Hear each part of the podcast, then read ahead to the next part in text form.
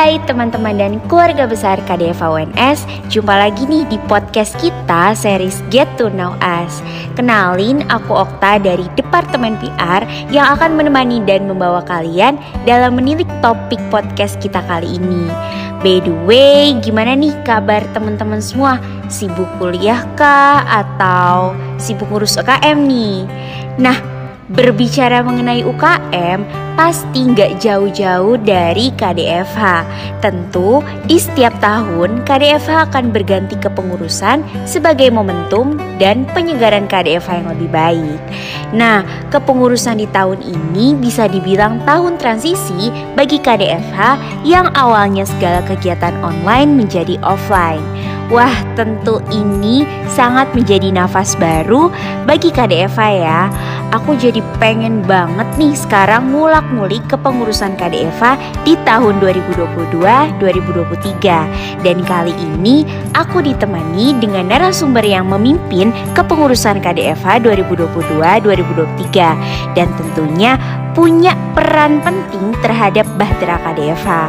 So, langsung aja kita hadirkan Mas Naufal. Halo Mas Naufal, gimana nih kabarnya?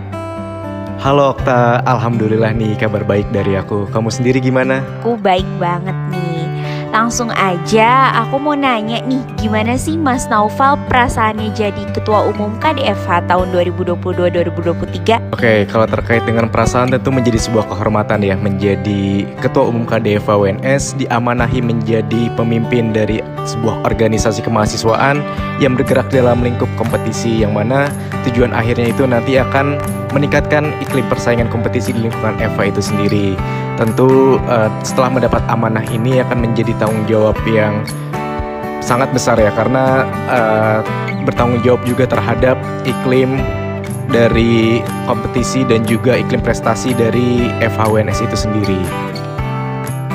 Wah, nampaknya Mas Novel udah siap nih buat membahas kepengurusan KDFH. Nah, aku mau nanya nih sama Mas Naufal, apa sih hal baru yang ada di kepengurusan tahun ini? Apalagi segala kegiatannya udah offline nih.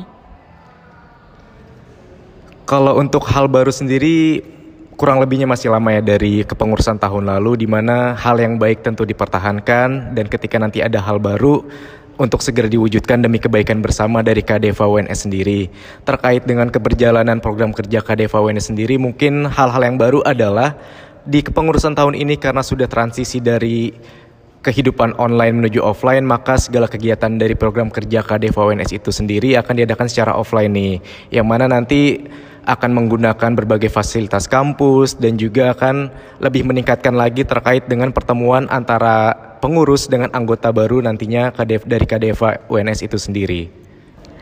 Wow, menarik banget nih ya teman-teman. Sekarang kita sedikit mengetahui gimana nih pengurusan tahun ini. Namun aku dan teman-teman yang saat ini masih penasaran kegiatannya apa aja yang udah dipersiapkan sama pengurus KDFH nih Mas. Oke, pertanyaan yang menarik nih dari Okta terkait dengan kegiatan apa saja yang sudah dipersiapkan oleh kepengurusan KDV UNS selama satu tahun ke depan.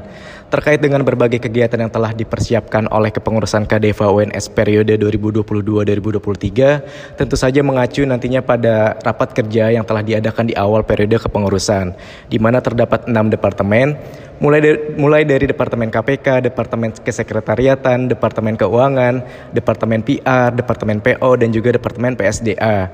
Yang mana kegiatan-kegiatan offline itu mulai sudah bisa mulai terlihat dari kegiatan pendampingan delegasi, di mana delegasi saat ini didampingi secara online di kampus FH UNS. Kemudian selain itu kegiatan offline pun dimulai dari kegiatan open recruitment, kemudian kegiatan posita, yuk ngopi, debating school, LDI, dan berbagai macam kegiatan lainnya memang sudah direncanakan untuk dilakukan secara offline. Baik itu memanfaatkan fasilitas kampus maupun berkegiatan di luar di luar dari lingkup uh, Universitas 11 Maret itu sendiri. Oke, karena banyak banget nih kegiatan offline-nya KDFH, jadi langsung aja kali ya Mas, aku mau nanya nih, apa sih tantangan dan juga keseruan yang nantinya akan dihadapi oleh kepengurusan KDFH? Oke, terkait dengan tantangan apa saja yang dihadapi, tentu saja terkait dengan partisipasi dari para anggota maupun pengurus KDFH UNS dalam berbagai kegiatan yang diadakan secara offline nih.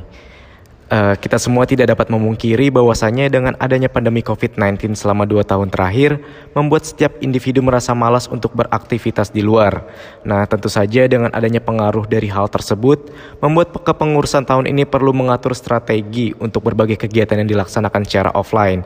Salah satunya dengan menghadirkan kegiatan yang menarik namun tetap mempunyai kebermanfaatan bagi para pengurus maupun anggota KDV WNS itu sendiri.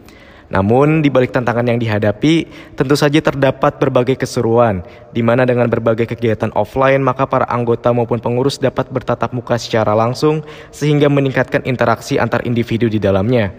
Tentunya dengan adanya berbagai kegiatan yang dilaksanakan secara offline, sedikit banyaknya akan mempermudah untuk saling mengenal sehingga membantu bonding di dalamnya. Selain itu juga keseruan lainnya adalah dapat beraktivitas seperti dulu kala, maka berbagai kegiatan yang dilaksanakan secara offline ini menjadi sebuah hal yang sangat dinanti-nantikan oleh setiap individu yang ada di dalam KDV UNS. Salah satunya adalah kegiatan makrab yang mana selama dua tahun terakhir ini kegiatan makrab dilaksanakan secara online. Namun pada tahun ini dengan berbagai transisi yang sudah ada, maka kegiatan makrab yang sudah dinanti-nantikan itu dapat dilaksanakan secara offline.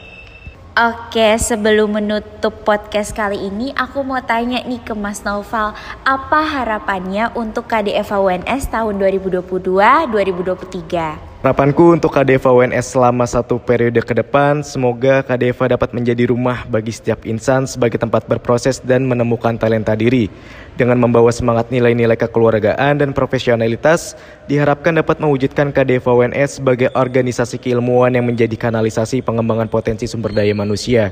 Tentu saja nantinya KDV UNS dapat menjadi motor untuk meningkatkan prestasi baik itu terhadap FAUNS maupun terhadap UNS-nya itu sendiri. Wah, mantep banget nih kepengurusan KDFH di tahun 2022-2023. Jadi nggak sabar nih buat ikut kegiatan-kegiatan KDFH ke depannya. Semoga kegiatan KDFH ke depannya berjalan dengan lancar dan segala lika-liku dapat dilewati.